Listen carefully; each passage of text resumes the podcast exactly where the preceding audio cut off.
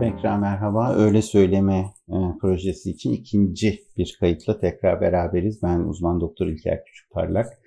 Psikiyatri uzmanıyım. E, ikinci kısım diyorum. Birinci kısmı e, takip etmişsinizdir umarım. Orada sosyal medyanın duygularımızı, düşüncelerimizi, tutumlarımızı nasıl değiştirebildiğine yönelik ve sosyal medyadaki sorumluluğumuza e, yönelik bir e, özet geçmeye çalışmıştım. E, ama e, konumuz sosyal medyada özellikle ruh sağlığı üzerine e, olan damgalama etkisi ve sosyal medya kısmını sadece bu maksatla anlatmak istedim aslında. Damgalamayı tekrar hatırlayacak olursak bir gruba genellikle elbette azınlık bir gruba yönelik olumsuz mahiyette e, bir takım ön yargılar bütünü diye özetleyebiliriz ama sadece ön yargıyla kalmayıp e, bunların yani bir e, fikir ile sınırlı kalmayıp bunun bir takım tutumlara ve davranışlara da dönüşebilmesi gibi olumsuz boyutları da var. ve ruh sağlığı alanındaki damgalamanın çok önemli bir takım sonuçları var. bu sonuçlardan ee, en önemlilerinden bir tanesi damgalama endişesiyle insanların e, yardım almak ya çalışmaktan vazgeçmeleri, e, bir psikiyatriste ya da bir ruh sağlığı çalışanına başvurmak istememeleri, e, o bu konuda bir tedavi kullanıyor olmayı arzu etmemeleri, ya da bu bilginin bir şekilde duyuluyor olmasından huzursuzluk duymaları gibi özetleyebiliriz. Bu e, damgalamanın e, evet olumsuz etkilerinden sadece bir tanesi e, aslında bana kalsa çok olumsuz olan e, başka bir boyutu daha var damgalamanın. E, o da aslında e, kendini damgalama e, diye tarif edilen bir durum. Ee, burada şundan bahsediyorum. Ee, damgalamada aslında toplumun bir grup üzerine olumsuz önyargılarından bahsediyorken kendini damgalamada bu gruba dahil olan birisinin bu gruba dahil olduğu için kendisiyle ilgili olumsuz bir takım fikirlere kapılması ya da o e, dahil olduğu gruba ilişkin bir takım olumsuz fikirlere sahip olması e, diye e, özetleyebiliriz. E, konumuza doğrudan alakalı değil ama kendini damgalamanın çok enteresan e, çalışmalarından bir tanesi şu şekilde. Bilenler bilir e, bir spor oyunları e, serisi vardır. İşte 2K falan diye kısaltmaları olan basketbolu, Amerikan futbolu, diğer sporlarda da var. Şimdi bu bu oyunlarla ilgili yapılan bir çalışmada bir e, sporcunun bir hareket yaparken diğer bir sporcu tarafından e, bir temasa maruz kalmasının 3 boyutlu bir animasyonu bu oyun tarafından üretiliyor. Bu 3 boyutlu animasyon oyun zaten e, dijital bir oyun olduğu için standart oluyor ama bazı e, versiyonları aynı tamamen aynı hareket, aynı kamera açısı vesaire olmasına rağmen bazı versiyonlarda bu hareketi yapan oyuncu Afro-Amerikalı yani siyahi bir oyuncu. Bazı versiyonlarda da bu hareketi yapan oyuncu e, beyaz e, bir oyuncu oluyor ve e, kullanıcılara, e, katılımcılara e, bu hareketin faal olup olmadığı soruluyor. Bu sporla ilgilenen kişilere elbette. İnsanlar bu oyuncu Afro-Amerikalı olarak cilt rengine sahip olduğunda bunu faal olarak yorumlamaya biraz daha meyilli oluyorlar. Beyaz cilt rengine sahip olduğu duruma oranla. Yani Afro-Amerikalı ise siyahi ise e, bu harekete aynı hareket olmasına rağmen faal diye yorumlamaya daha fazla meyilli oluyorlar. Yani burada çok şaşırtıcı bir durum yok. Ne yazık ki şaşırtıcı bir durum yok elbette. E, üzücü ama şaşırtıcı değil.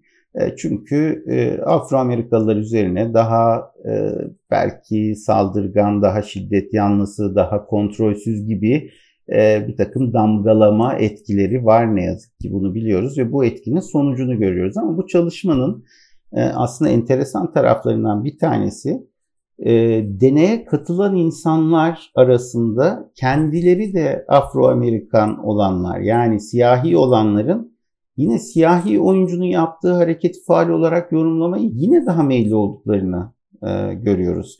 Yani Afro-Amerikalı olanlar da aslında siyahiler daha kontrolsüzdür, şiddet yanlısıdır e, vesaire gibi e, kurallara uymazlar gibi e, bir takım ön yargıları sahipler. Dolayısıyla kendini damgalamanın e, deneysel bir sonucunu görebiliyoruz bu gibi yeni uygulamalarla birlikte. E, kendini damgalama şu açıdan e, çok önemli olabilir. E, bu aslında diğerleri tarafından nasıl algılandığına dair fikirler de kişinin hayatında önemli e, sonuçları olacaktır elbette. Ama burada kişinin kendini nasıl algıladığından bahsediyoruz. O durum ile ilgili olarak evet bir etnik gruba dahil olmakla ilgili olarak olabilir ya da psikiyatrik bir rahatsızlığı e, olmuş olmasıyla ilgili de olabilir. E, kişinin kendisini nasıl algıladığı kişinin hayatı boyunca e, üzerinde etkisi olacak olan bir unsurdur. Kişi kendisini yetersiz olarak algılıyorsa bir durumdan ötürü hiçbir işe kalkışmakla ilgili cesaret gösteremez. E, ya da kişi kendisini e, saldırgan olarak algılıyorsa da bir şeyi barışçıl olarak çözebileceğine dair bir inanç gösteremeyeceği için aslında bizim kendini gerçekleştiren kehanet dediğimiz e, bir takım durumlara da zemin oluşturabilir. E, dolayısıyla e, damgalamanın e, böyle iki önemli, ikisi de ayrı ayrı çok önemli boyutunun olduğundan bahsedebiliriz. E, burada aslında e, Amerikan Bilimler Akademisi'nin e, 2016 yılıydı yanlış hatırlamıyor isem e, hemen Bakayım bulabilecek miyim? Evet, e, Amerikan Bilimler, e, Ulusal Bilimler Akademisi'nin 2016 yılında bir konsensus raporu var.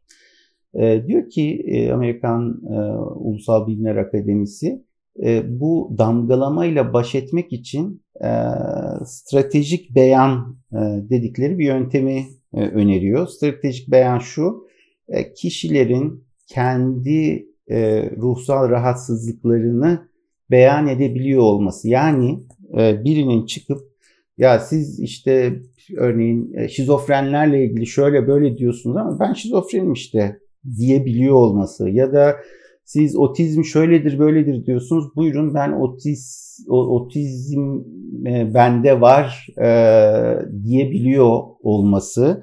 Ee, ya da e, bu bir şey de olabilir e, aslında bir e, davranış da olabilir. Yani şundan bahsediyorum. Evet ben geçmişimde e, bir intihar girişimim var benim ve intihar girişimi olan insan şöyledir böyledir diye kesip atamazsınız. E, buyurun e, ben böyle biriyim e, diyebiliyor olması gibi.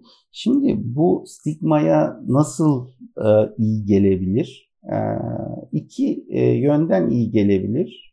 Bir tanesi şu, az önce size tarif ettiğim gibi e, şimdi ön yargılar aslında bilgisizlikten büyük oranda besleniyorlar. Dolayısıyla biz şu anda bizim yapmaya çalıştığımız şey bu e, yayın da dahil olmak üzere bu duruma dair bilgi vermek, bilgi vererek bu durumu yönetmeye çalışmak. E, ne kadar çok bilgi olursa ön yargının o kadar azaldığı, damgalamanın da o kadar azaldığı biliniyor.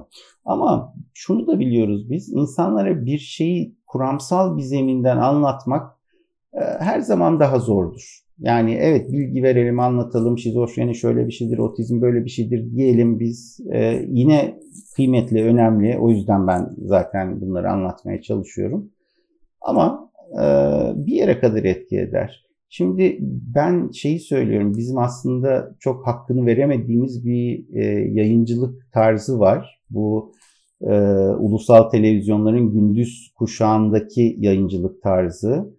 E, orada bir takım öyküler anlatılıyor ve e, aslında evet insan kulağına garip geliyor. E, işte birisi evden kaçmış ya da biri birine aşık olmuş da efendim onlar bir ilişki yaşamışlar ama gizliymiş falan ve böyle dedektif gibi peşine düşülen tartışmanın bol olduğu bayağı hararetli bir yayıncılık biçimi var biliyorsunuz. Şimdi burada aslında bu yayıncılık biçiminin bu kadar garip görünmesine rağmen bu gündüz kuşağındaki programların yani bu kadar tutuyor olmasının çok önemli bir sebebi var. Gerçek kişiler üzerinden bir durum tarif ediliyor. Yani biz istatistik olarak toplumda işte şu kadar kişi evden kaçıyor, bu kadar kişi bir şeyler yaşıyor falan diye ne kadar anlatıyor olursak olalım gerçek bir öykü üzerinden görüyor olmanın etkisi bambaşka oluyor. Yani e, bunu çok e, üzücü örneklerle de belki biraz daha idrak edebiliriz. E, mülteci sorunu, efendim bu e, göçmenlerin e, yaşadıkları ya da ne kadar sayıda göçmenin yaşamını e, denizlerde boğularak kaybediyor olduğuna ilişkin pek çok veri paylaşılıyor olsa da bazen bir fotoğraf çıkıyor. E, yaşamını kaybetmiş bir e, bebeğin fotoğrafı, bir çocuğun fotoğrafı boğularak. Ve bu fotoğraf her şeyi değiştirebiliyor. Bütün algıyı değiştirebiliyor. Bütün tutumu değiştirebiliyor bu duruma ilişkin. Çünkü orada gerçek var. Bir takım malumat, bilgi, enformasyon değil. Gerçek bir öykü ya da öykünün bir parçasına tanıklık ediyoruz. O yüzden o gerçeği görmek e, çok daha derin bir etki yaratıyor. O yüzden de e, çeşitli ruhsal rahatsızlıkları olan kişileri e, görebiliyor olmanın toplumsal boyutta e, bir takım dönüştürücü etkileri olacaktır. Tamam. E, yine çok önemli bir etkisi daha olacaktır. O da bu insanların birbirlerini bulabiliyor olmaları. Çünkü bu da çok önemli. Ee, evet bu durumu yaşamış ve bu durumla e, baş edebiliyor olan, çeşitli e, baş etme stratejileri geliştirmiş olan birileri, o yoldan daha önce geçmiş olan birilerini bulabiliyor olmanın e, muazzam bir güçlendirici etkisi, dayanıklılık verici etkisi olduğundan bahsetmemiz gerekiyor. E, ve e, buradaki handikap e, insanlar damgalanmaktan korktukları için kendilerini beyan edemediklerinden dolayı ve haklı ve geçerli bir korku olduğunu düşünüyorum ben bunun. E, o zaman e, toplumda e, bu insanları göremediği sadece filmlerde ya da başka şeylerde gördükleri için karikatürize biçimlerini bu ön yargıların değişmediği, e, bu insanların birbirlerine de ulaşmakta zorluk çektiği e, ve böyle olunca maalesef kendini besleyen e, ön yargıda daha da pekiştikçe insanların kendilerini daha da beyan etmekten kaçındığı, daha da kaçındıkça insanların etrafında tanıdıkları hiç o ruhsal rahatsızlıktan olan kimsenin olmadığı bir durumun oluştuğu bir döngü olduğundan bahsedebiliriz.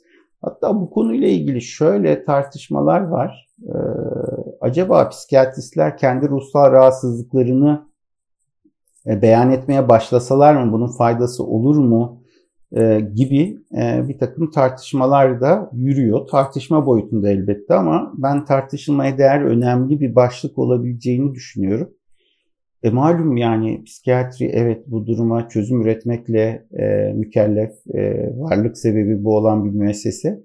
Ama bir insanın da psikiyatrist olmasının bir takım nedenleri olabilir. Ya da hani böyle varsayımlara da gerek yok. E, psikiyatri tıp branşları arasında intihar riski en yüksek olan birkaç branştan bir tanesi. Farklı ülkelerde farklı sonuçlar olsa da yani 20'den fazla 30'a yakın uzmanlık alanı içerisinde ilk 5 sırada yer alıyor e, benim gördüğüm hemen her çalışmada. Dolayısıyla elbette psikiyatrist olmak demek e, ruhsal bir rahatsızlıktan e, muaf olmak demek değil. Hatta belki de tam tersidir.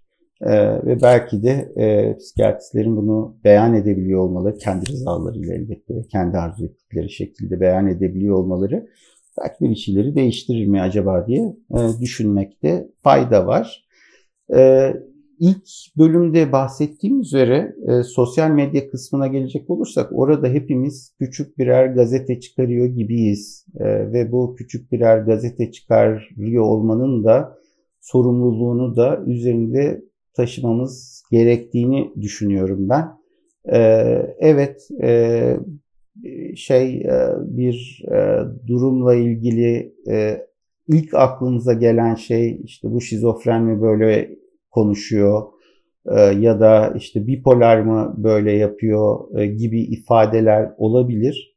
Ama bir gazete çıkarıyor olsanız böyle demezdiniz herhalde. Elbette sosyal medyayı bütünüyle bir gazeteci sorumluluğuyla hmm, kullanmak mümkün değil ama bu damgalama konusunda en azından buna dikkat etmek mümkün olabilir diye umuyorum ben. Ee, ne yapalım e, diyecekseniz şöyle elbette e, insanlara bu kadar öfkelenmemek mümkün olsa ne güzel olur ama mümkün olmayacaksa ne söylemek istiyorsanız onu açıkça söyleyebilirsiniz. Yani e, bu e, ifade etmek istediğiniz şeyi psikiyatrik bir terim olarak ifade etmeniz şart değil herhalde. Çünkü ben okuyunca bir, ta, bir takım tahminlerim olabiliyor. Diyorum ki sanırım e, bu kişi bu kadar tutarsız nasıl olabiliyor demek istedi. E, bu e, tutum son derece e, tutarsız bir tutum demek istedi.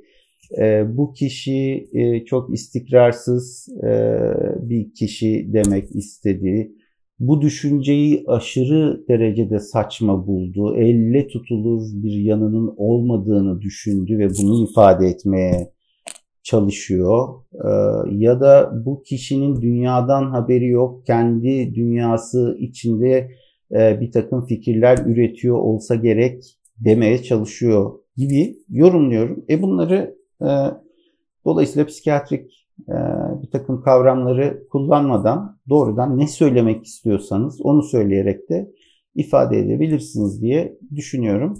Ben e, tabii ki mesleğim gereği bu şekilde kullanmaya çalışıyorum ve elbette ne yaparsam yapayım şu yayında dahil olmak üzere e, bu konuda e, hiç hata yapmamak mümkün olmayabilir.